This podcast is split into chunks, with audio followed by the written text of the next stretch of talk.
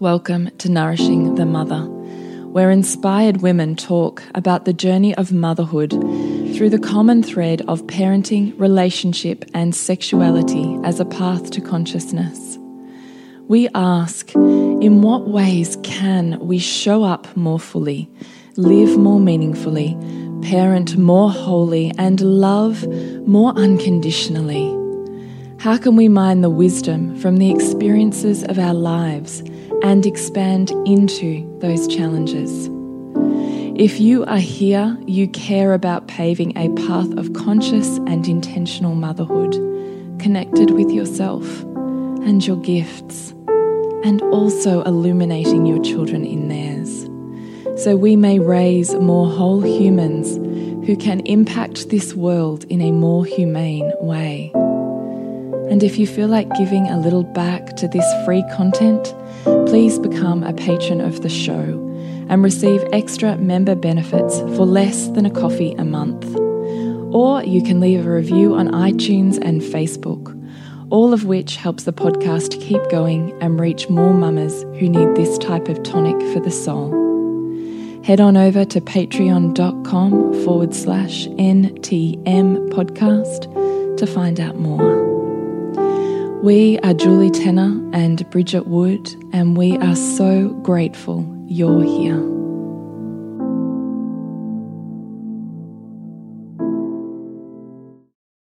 So, welcome, Dr. Oscar Serrallach. Thank you so much for joining us here on the podcast. Oh, thank you, Bridget. Thank you for the invitation to talk today. Yeah, and I, we've told our listeners a little bit about you, but I would love to hear in your words a bit of your story and why mother care is just so foundational and fundamental for you and your work. Well, I mean, like many people in, in mother care, um, I, I, I, came interested just because I became a father. And um, you know, I've, I've always been very interested in uh, just the individual sort of health journey that people sort of are on and looking at things a little bit more holistically. And with starting a family, I was also studying a lot about functional medicine, and I just finished my family medicine training, and and so I just had all this kind of knowledge uh, floating around in my head, if you like, uh, at the time of uh, starting a family. And I had three children, had really incredible experience with our antenatal birthing uh, times, I suppose, and just really found that the postnatal time not only was lacking in terms of knowledge and support, but also uh, how much, you know, not only my partner, but everyone that I knew that was having children was struggling with this process postnatally.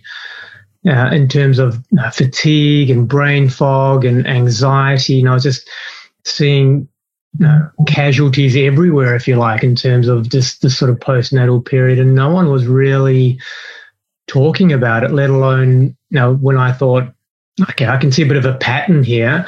Let's go to the textbooks, and of course, there aren't any textbooks on, you know, the postnatal period uh, from a medical point of view, at least, and and so I, I, decided just to do a deep dive into well, what do we actually know about this time, and um, how can I help not only my partner but just you know, the clients that I'm seeing and and mothers in general to uh, you know, experience motherhood in a very different and, and, a more positive way, and I think much more where our ancient biology was is leaning to that it's not meant to be a time of struggle and anxiety and uh, accelerated aging, which you know it seems to be what modern motherhood uh, is about. And so, uh, you know, I spent a number of years really sort of researching.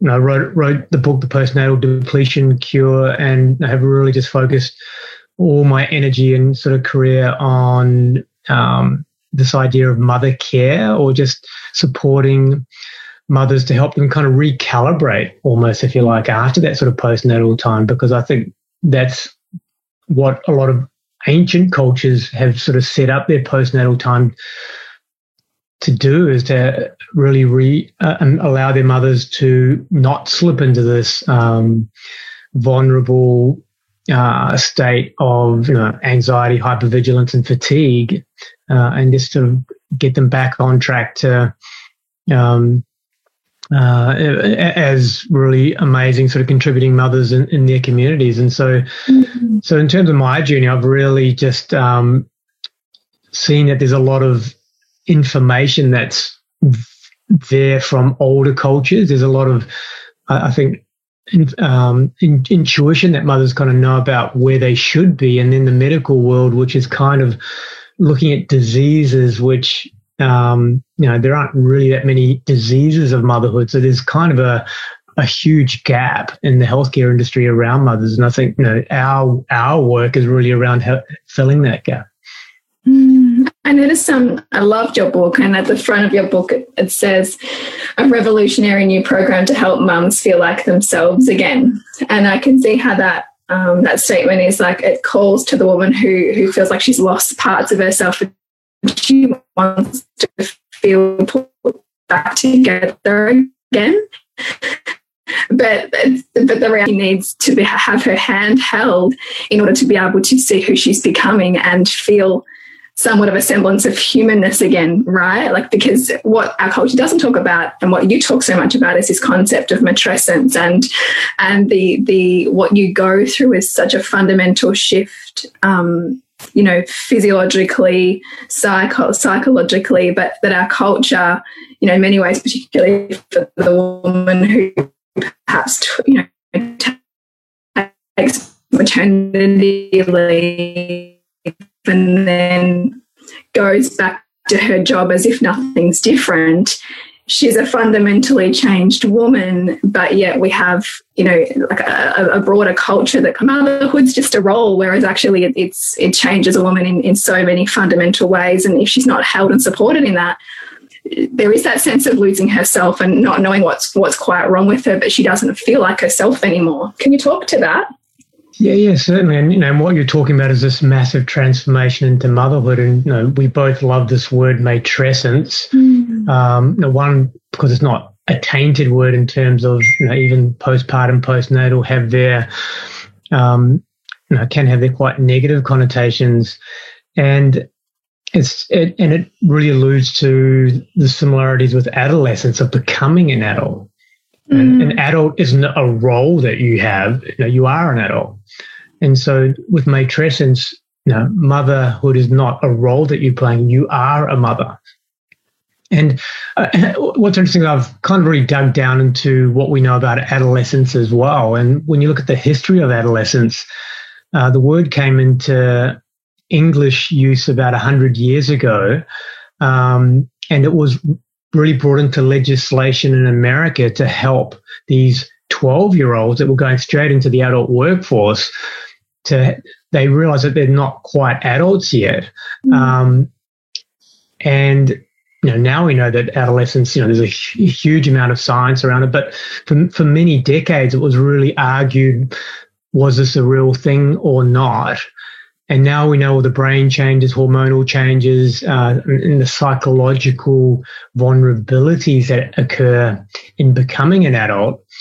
Uh, unfortunately, we're at, we're at the beginning processes of that uh, at, the moment. And um, I think it's quite exciting, the acknowledgement and the science it's sort of building, but it's, um, you know, I think a lot of mothers are really done a disservice when know, they're not supported in that transformation and they're trying to go back to their maiden way of thinking and doing things. And, and that's a little bit equivalent to an adult trying to go back to being their childlike self and their childlike way of doing things. And yes, an adult nurtures their inner child just like a mother should nurture their inner maiden, but it's not a realistic uh, thing we should be doing. And um, just like we would kind of correct an adult trying to live like a child, we should really help support mothers be there or support them in their motherness rather than trying to celebrate them going back to being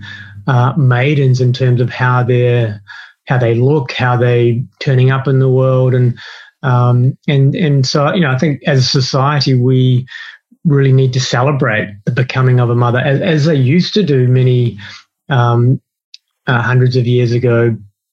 And, and and and and also support the transformation because we know that adolescents go through this very vulnerable time and we don't just leave them to it going oh well you know see how they go becoming an adult. Um, and if they don't do a good job becoming an adult we you know, we we criticize them. Whereas with mothers if if if a mother is struggling in her journey or she's you know, not finding it easy we can be very critical as a society to that mother um, because she doesn't know how to be a mother or she's uh, not trying hard enough. And, and, and I think that's so harmful. You know, this uh, whole idea of the super mum who can kind of do everything. This is a very new idea um, culturally. And so, you know, I think where we need to really be coming from is understanding this transition through matrescence, which takes several years. It just doesn't happen at the birth of the baby, and and um, support, uh, care, knowing that you're going to have this incredible person at the end of that transformation, just like you have with adolescence. So, mm. yeah, we'll. It's an interesting time, isn't it? Because particularly with social media and women's women seeing so many examples of of all of the things that they could be, do, and have in the world. It's it's there's that push pull between who you could be, but the reality of who your child's asking you to be and who you're asking yourself to be in such a transformative time. Like, and I notice that in your book you do um, talk about the the influence of social media and some in some cases recommend you know detoxing off it for women who are feeling more vulnerable in this stage. Do you see that that's a that's a particular problem? Yeah, it, it's um, you know, it's uh, I call it the dangerous carrot in, in terms of what we're kind of trying to uh, aim towards, uh, and I don't think it's a healthy goal. And and I, I know so many mothers feel very negatively about themselves and their ability to be able to um, uh, be humans and, and be mothers, and when there's this comparison going on. Um, mm. One, the comparison isn't helpful. Two, it isn't actually real. Um, you know, any mother who's you know, gliding through motherhood with no problems or challenges um, often has a lot of paid support, or they're faking it in in some ways to kind of get that uh, insta image of the uh, uh, thriving mother and and you know I think as a collective. You know, mothers can be their own worst enemies in some ways internally and, and together, but they're also that's where the solution lies with mothers supporting mothers with um, you know deep support and, and non non judgment. Really, I think this idea of judgment it, it's it's really um, it can be real quicksand for a mother who's who's struggling in that early time. Mm how when you obviously for so many of us it's our personal journeys that inform our um, you know what the work that we do in the world. And you've hinted at um, your own personal experiences of watching your wife go through early motherhood. What do you feel was was the big um, catalyst for her to um, perhaps get through that was there one thing or was it a series of changes that you helped her to make that um, you as a family, you know, got through that more um, holistically or more, um, I guess, more together, I suppose, because it's it's it's very interesting to hear people's individual stories on how they build um, build their toolkit through that challenge. Yeah, and that, that that's um, it's a great question. It's uh, I don't think there was one thing that really was. Uh, fundamental. I think it was more just the acknowledgement of the struggle, the acknowledgement that the, we needed more support, um, and also the acknowledgement that what we were doing wasn't sustainable um, in terms of uh, uh, the hours that I was working and being away from family, those kind of things. So, um, and I think one of the things that made definitely made a big difference for me is that I, um, because I was on call pretty much 24 7 at our local sort of hospital, I just had to carve out a little bit of time for myself. Um, and so for for two days per week. I think it was a Tuesday or a Wednesday. I can't remember, but I had said two days during the week where I wasn't on call, um, and at least that was uh, a respite uh, for my partner to not have to do the twenty four seven, and uh, and you know, she. Um, ended up looking getting some work and and and at least trying to um, find herself again during that time. And it was it was amazing for me just to for two days a week. I was kind of the main caregiver, um, and that was definitely a baptism of fire that uh, I needed to upskill pretty quickly. Uh, and it's, it's, really helped, I think, with my relationship with my kids now. That those sort of early times, but I remember that was one thing that was very uh, helpful, but born out of crisis and necessity. And, and I think just also just focusing on the the idea of needing deep rest, needing support, supplements, and just kind of trying to fumble our way through uh, those sort of early early early years. Mm. It's such a big transformation. I remember that my husband, when my first child, our first child was born, he, you know, coincidentally, though I wonder, you know, had a massive work project on, and so sometimes wasn't home till ten at night. And I, and that was the baptism of fire because it was like he was almost losing himself in his work because of the stress of that transition to fatherhood. And here I am at home, like, you know, deeply struggling. And I can see now how purposeful that was, but also how incredibly isolating it is for you know, a new mother who's who's who, who the culture says you have to just step up now and like this is your reality and whereas in fact in, in, any other culture in the world it was never just a woman alone with an infant for 12 hours a day you know or 14 hours a day. It was mothering is done in community.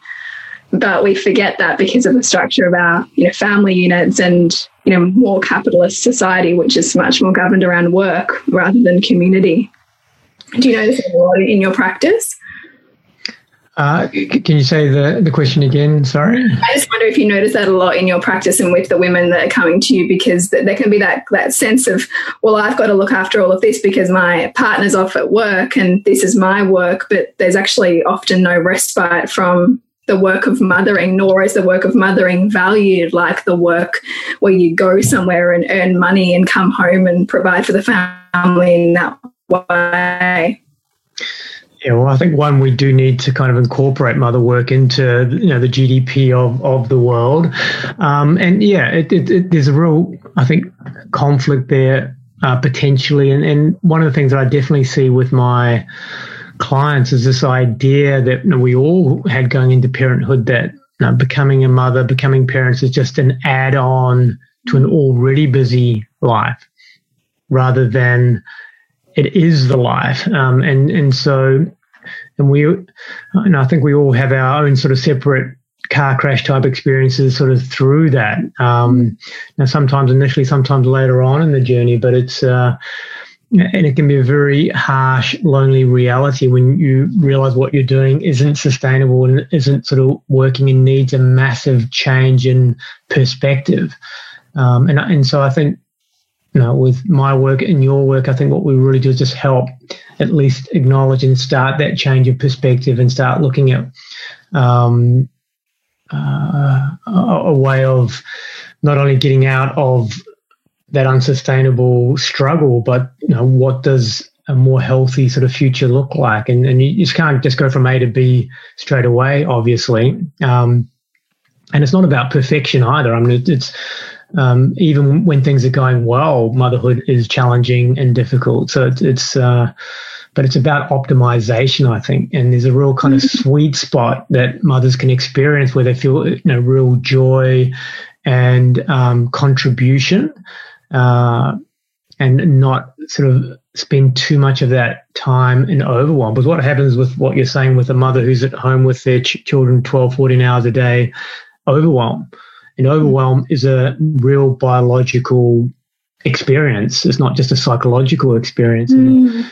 Um, and that can be so distressing and it can actually really prevent the mother recovering from a, a hormonal and a nervous system sort of point of view. And so she kind of stays in this loop uh, day in, day out. Um, and we call it the twilight zone at work uh, that just know, what day of the week is it? Is it morning? Is it afternoon? And and it's just this constant um, uh, struggle and pedaling with no end in sight, really. And, and that's it's heart, uh, soul destroying when you really realize how important your work is in terms of bringing up you know, this human being and and um, uh, and, and, caring for them. It, it, it, can be very conflicting and cause a lot of dissonance in others, and that's um, you know I think a big part of our work is just to really sort of help that.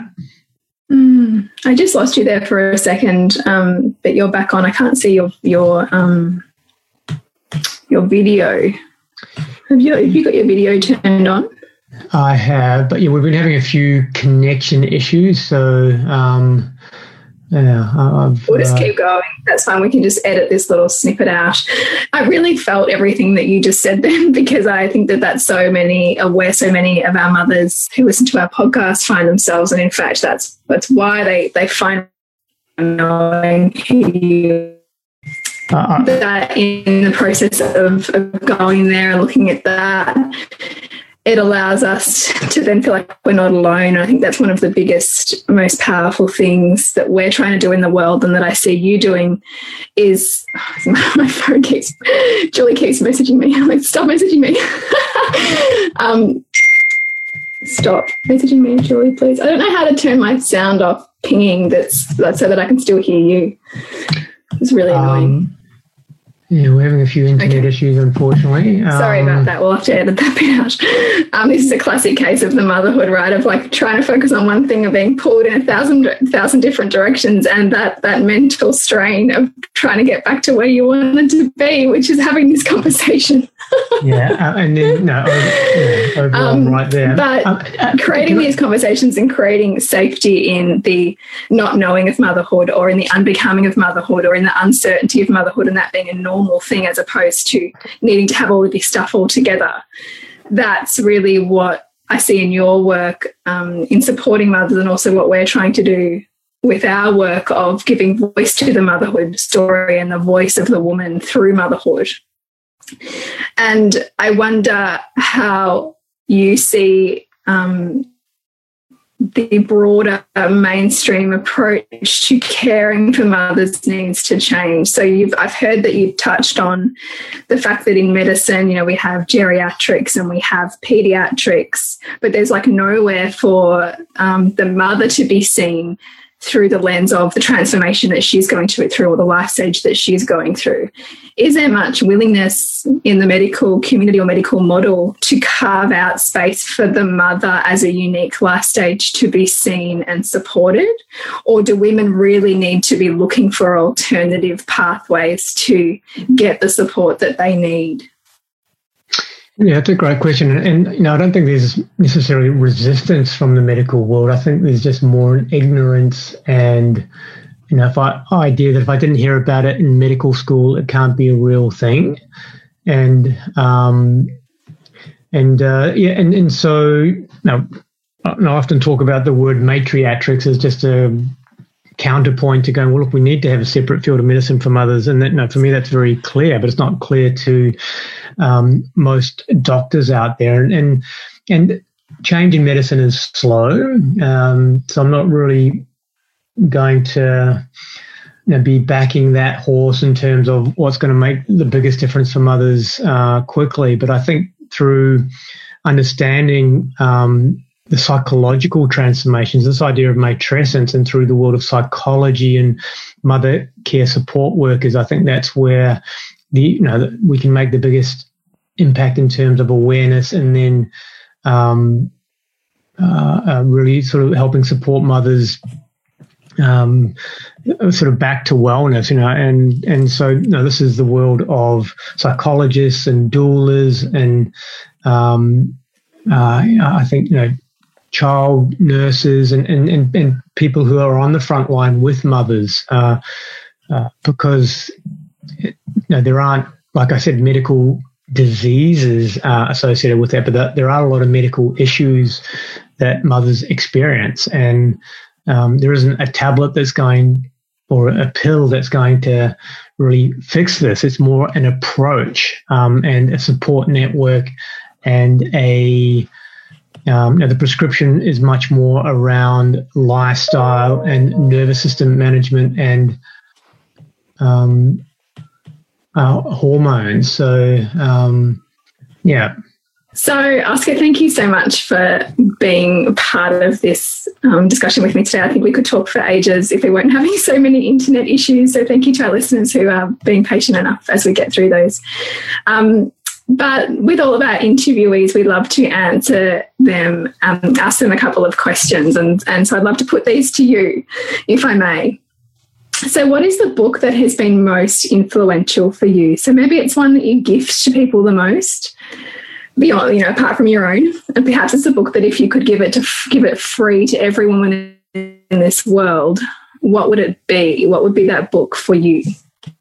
Well, I don't have the um, perfect book, I don't think, but just you know, I did um, thinking about that question. Uh, a a pretty key milestone uh, in in my work, in, in terms of just you know my journey was uh, a, a, doctor friend of mine gave me a 10 hour video series by the Weston A. Price Foundation. And listening to that, I realized if you know, 10% of what's been said on this uh, video is correct, I really need to change the way I'm just approaching caring for people. And the book that I came across next after that was by a um, American woman called Primal Mind, Primal Body by Nora Gedgaudas. And this uh, was a beautifully researched book in terms of what is known about um, ancestral diets. You know, this was kind of the pre-paleo book, if you like, and and the fact that the, the information had been so well researched and presented, it really just gave me a um, uh, I suppose the the wind in my sails to sort of really keep on with this journey. So it's not it, it's it's an accessible book, but I wouldn't necessarily well researched uh, recommended to everyone, but it, it, it certainly was probably my milestone book, if you like, in terms of my journey.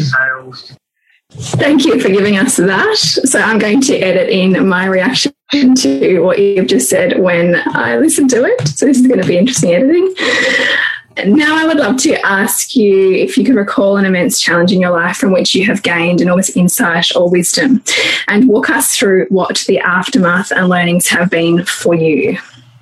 Yeah, so probably one of the biggest challenges that I've had um, was in year five of medical school. I, I got quite severe glandular fever um, and was in bed for uh, nearly three months with that. Lost a year of medical school.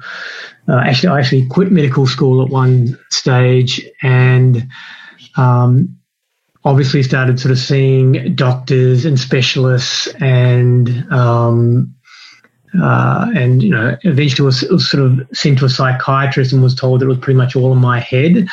And uh, and having been someone who had enjoyed incredible well-being and exercise, and I, I, I, knew that wasn't the case, but the way I was treated by the medical system, that they didn't have a solution for what I was having, and then just pretty much just thrown on the trash heap, um, uh, was was a very uh, formative experience for me because I realized that medicine didn't have all the answers. Before then, I I was, you know 100% medicine is everything uh, way of kind of thinking. And so that kind of really shook my foundations. Um, took me quite a few, a couple of years to sort of really recover fully from that. And it wasn't through any particular thing that I did. It was just time that healed.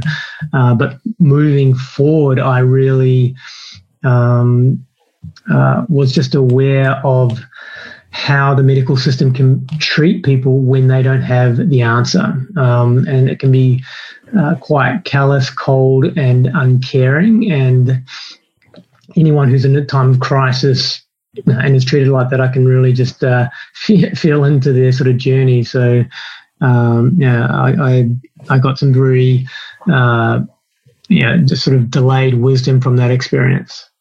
Thank you so much for sharing that because it can be um, tough to share our own stories, but it's really powerful for listeners. So, yeah, I'm sure lots can resonate. Now, the last question is if you could have a billboard on any major highway in the world, what would it say? Hmm. yeah, um, that's a slightly challenging question. I mean, I, I think it would be around something like Mothers Matter. Um, you want to keep it relatively simple, uh, but the idea is that you know we've had this huge movement in our society around the Me Too movement and Black Lives Matter, and just this whole understanding of how uh, important um, having a much more egalitarian society is just for everyone's well-being. I think underlying all of that is that the core part of society society's well-being is is mothers. And if mothers are well, we're going to have um, uh, a healthy society. And I don't think there is a more important job in the world than to make, birth, and raise a human being. And so the billboard would be around trying to really highlight the importance of mothers uh, in our society. Mean, it sounds very obvious and simple, but um, we've kind of forgotten as a society. And so the billboard would be you know, something around Mothers Matter. Oh, gosh. I love it. I love all of that. Oh, mothers matter. Yes, yes. So I hope that the mothers listening have felt that too and feel like they matter that little bit more perhaps than, than they felt maybe when they started listening to this podcast, if that's where their headspace is. Um, and I want to thank you, Oscar, for putting up with some of our challenging internet issues today. And thank you so much for being on the podcast because it's um, really important the work that you're doing in the world. And I have read your book and taken on board a lot of what you've um, what you've suggested, and it's really enriched my experience postnatally. Um, so, yes, thank you so much.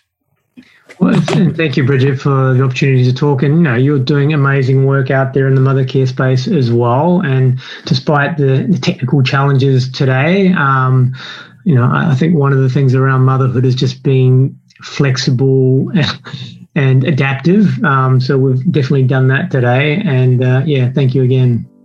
And if you want to support Nourishing the Mother and all the late nights, the early mornings, the blood, sweat, and tears we pour into our art, then please go to patreon.com forward slash NTM podcast and become our patron. As a patron, you're helping all of the cost of operating this podcast, the hosting, the editing, the transcription, helping all of that be completely covered, and joining a community who are all about honouring our journeys and continuing to open. The more support we have, the longer we can last. So become a patron. We'd love to have you. Go to patreon.com forward slash NTM podcast. We literally couldn't do this without you. Thank you so much for listening, and please share this podcast with anyone you think it would be medicine for.